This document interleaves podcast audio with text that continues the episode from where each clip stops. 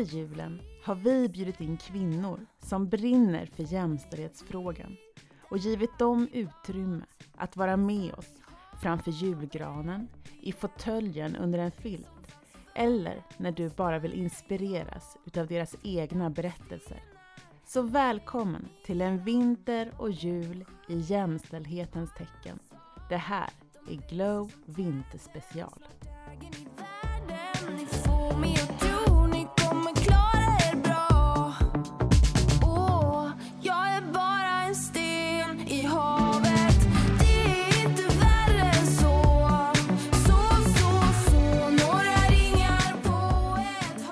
Hejsan! Jag heter Lottie Wallin och har glädjen att få dela med mig lite av mina kunskaper, erfarenheter och tankar om det andliga och det mänskliga. Så som jag ser det är vår existens något mycket, mycket mer än de vardagliga aktiviteterna. Vi ingår i en långt mer mångfacetterad och mångdimensionell verklighet. Ett multiversum. I grunden är vi emellertid en del av samma odelbara verklighet och egentligen ett. Men det är inte så vi ser på saken. De existentiella frågorna har sysselsatt mitt inre sedan barnsben. Med tankar, frågor och funderingar. I ett land som blivit allt mer sekulariserat var det dock inte helt lätt att få några svar från vuxenvärlden. En konstig unge helt enkelt. Tankarna, frågorna och vissa upplevelser följde dock med under uppväxt och tidig vuxen ålder. Men det var ju förstås någonting privat. Ingenting man talade om annat än i slutna kretsar. Men sen blev det ett oavsiktligt genombrott med mycket starka och omtumlande upplevelser.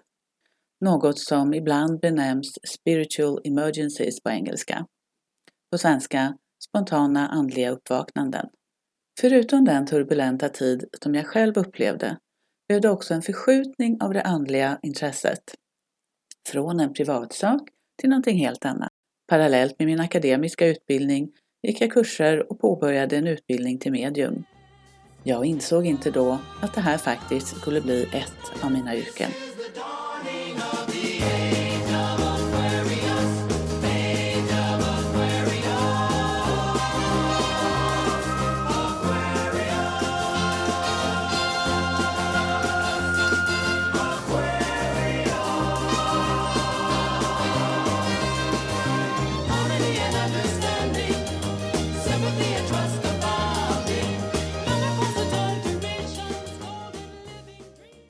Få yrken kan skänka en sån tillfredsställelse som mediumskapet. Att få ynnesten av att stå till tjänst för den andliga världen och sina medmänniskor genom att förmedla kärlek, helande, kraft, tröst och vägledning.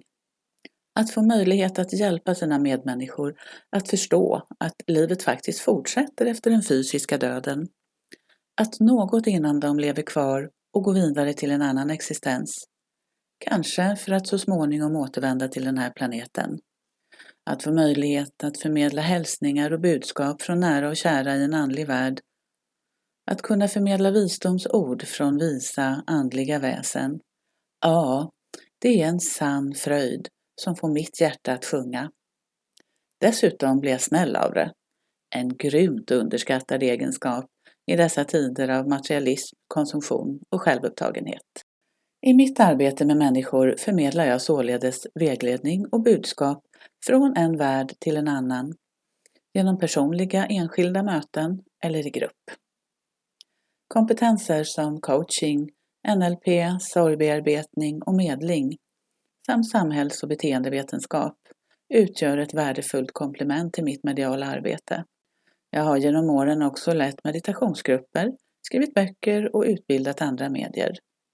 Allt på sidan om ett akademiskt arbete. Allt det som jag gör yrkesmässigt kan sägas vara kvinnodominerande områden. Märkligt, inte sant?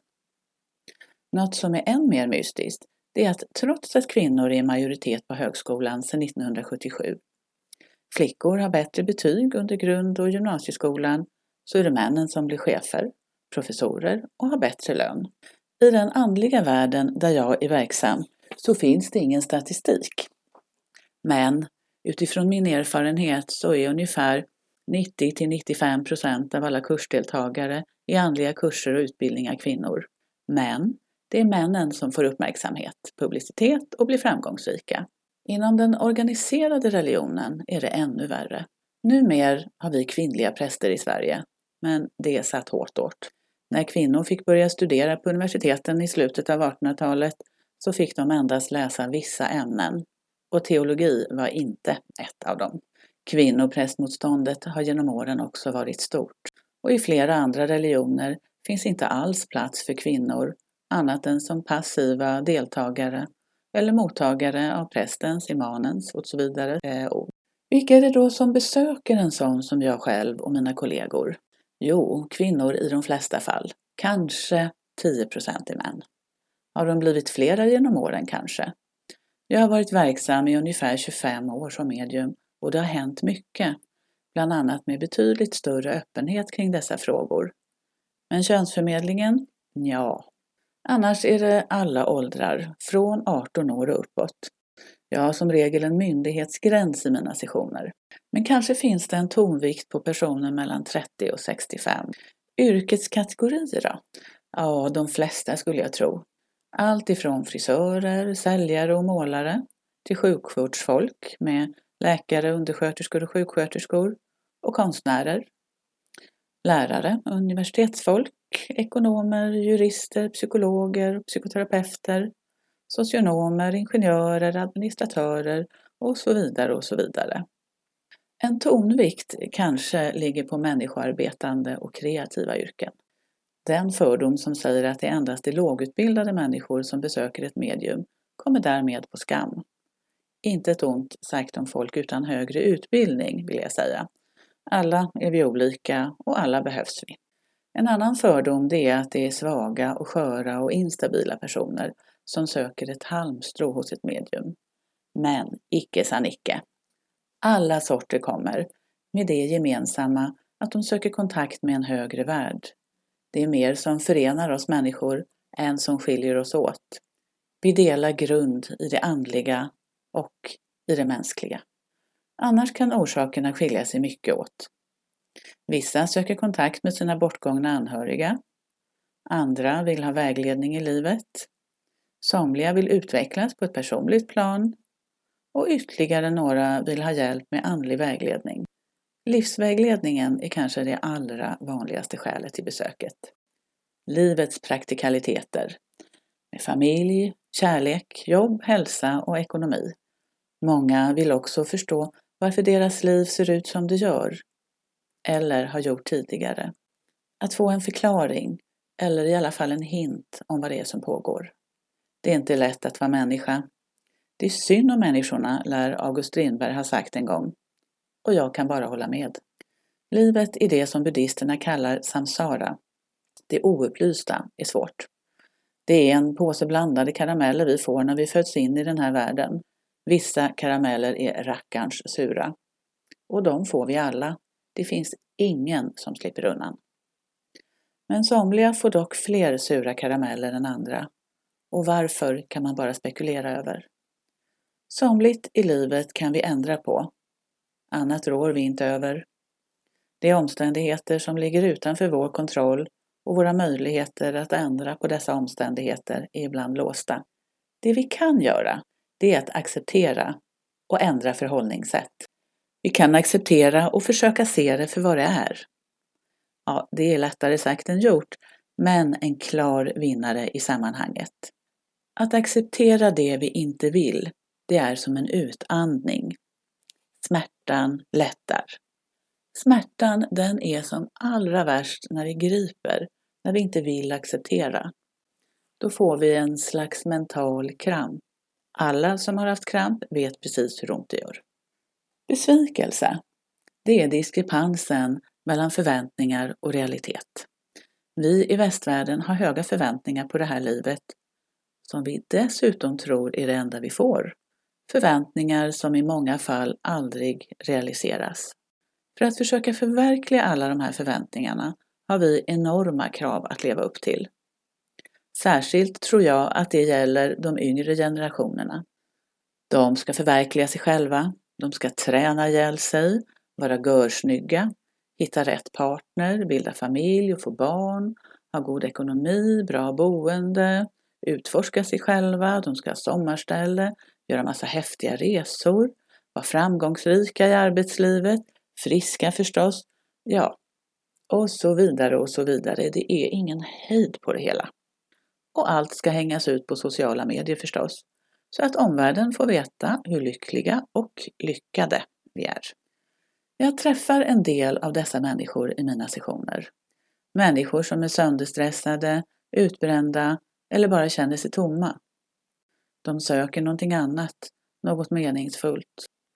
En medial session kan påminna dem om att ekorrhjulet är en del av den här världen, men att de inte behöver vara identifierade med den. Istället kan de börja söka inåt. Börja meditera, eller bara börja med att försöka se igenom den moderna västvärldsillusionen. Förstå att de är en del av något större. Att försöka vila i sig själva och se sig själva så som de verkligen är. Vackra, andliga varelser med potential till oändlig kärlek och upplysthet. Med det är inte menat att vi ska bli asketer som sitter i kloster och mediterar dagarna i ända den indiska filosofen Nagarjuna sa redan på 200-talet att samsara och nirvana är samma sak. Det vill säga två sidor av myntet, i en odelbar verklighet. Och Buddha sa på sin tid att det är medelvägen som gäller. Efter att han försökt sig på en närmast absurd askes under några år. Det här betyder att vi utifrån vad som är möjligt visst kan njuta av överflöd Snygga bilar, god mat, märkeskläder, resor och vad det nu är för någonting. Det handlar om att vi är i den här världen, men vi är inte av den här världen.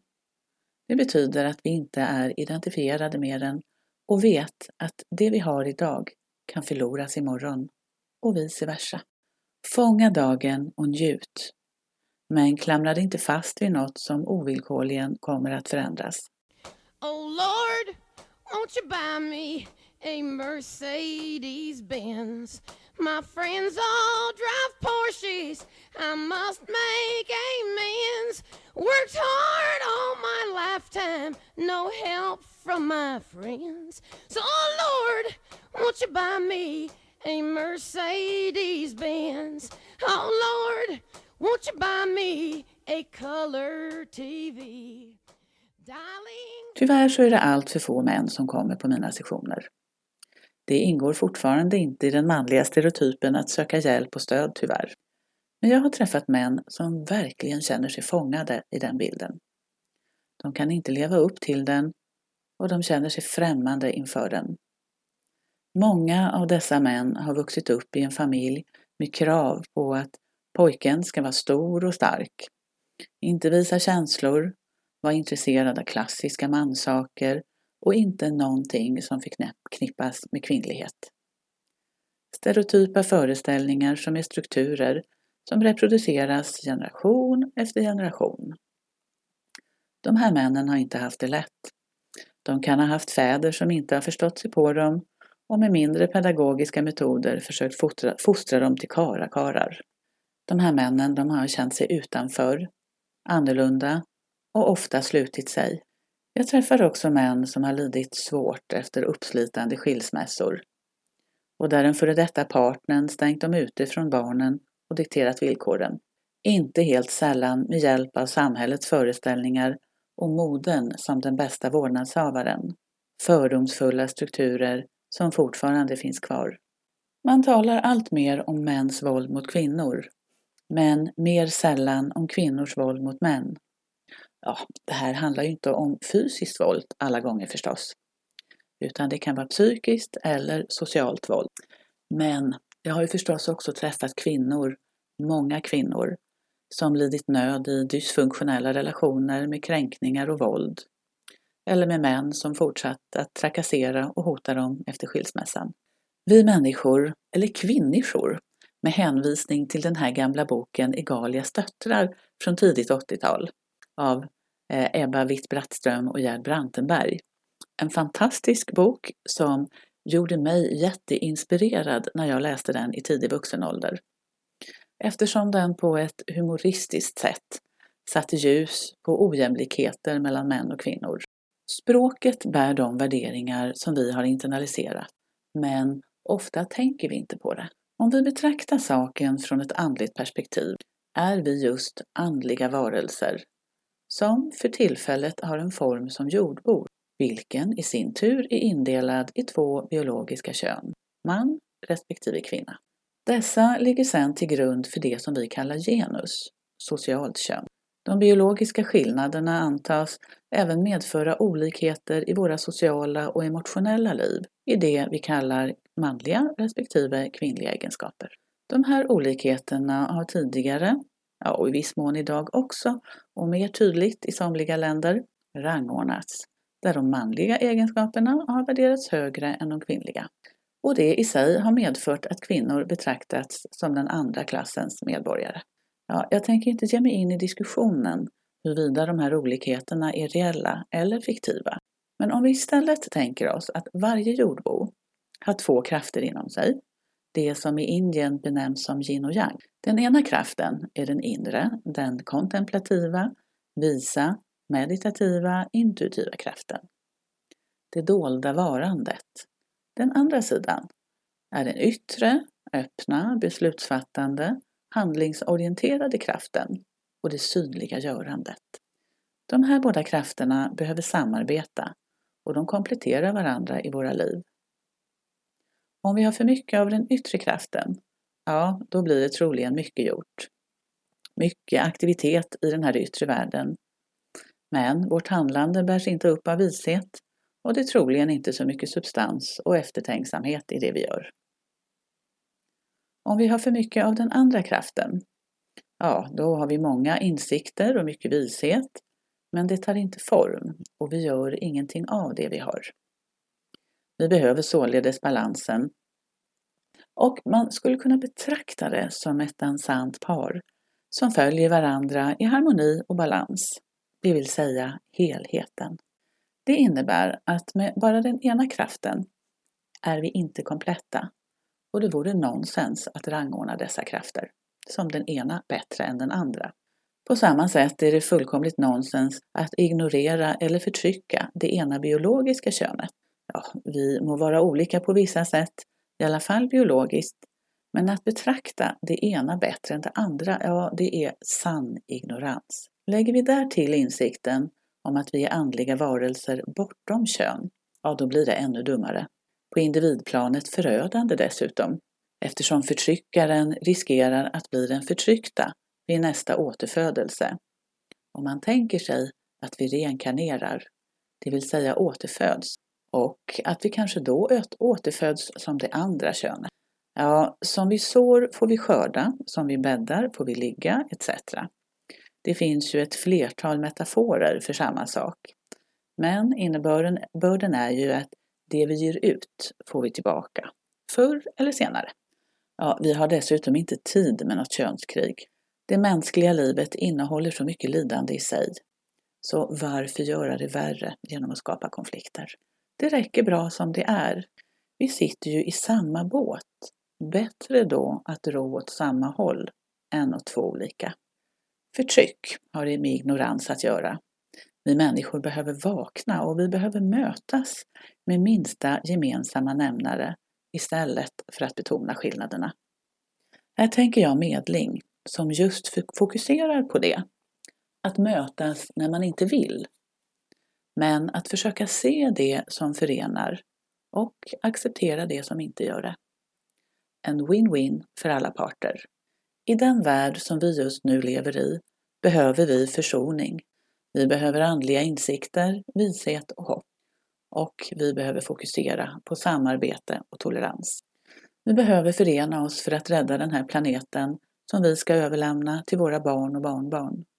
2020 i ett år som många av oss vill glömma.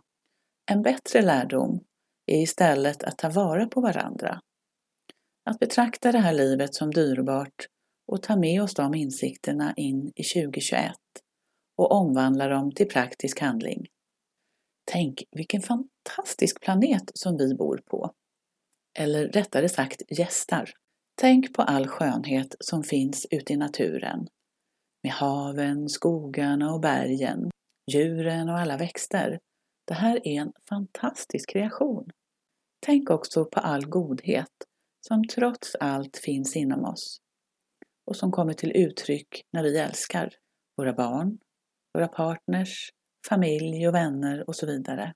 Låt oss ta med den här kärleken in i nästa år, 2021, så att det året fylls av kärlekens läkande kraft till var och en av oss.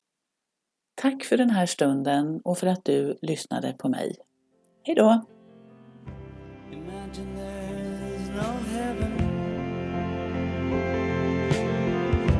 It's easy if you try. No hell below us. Above us.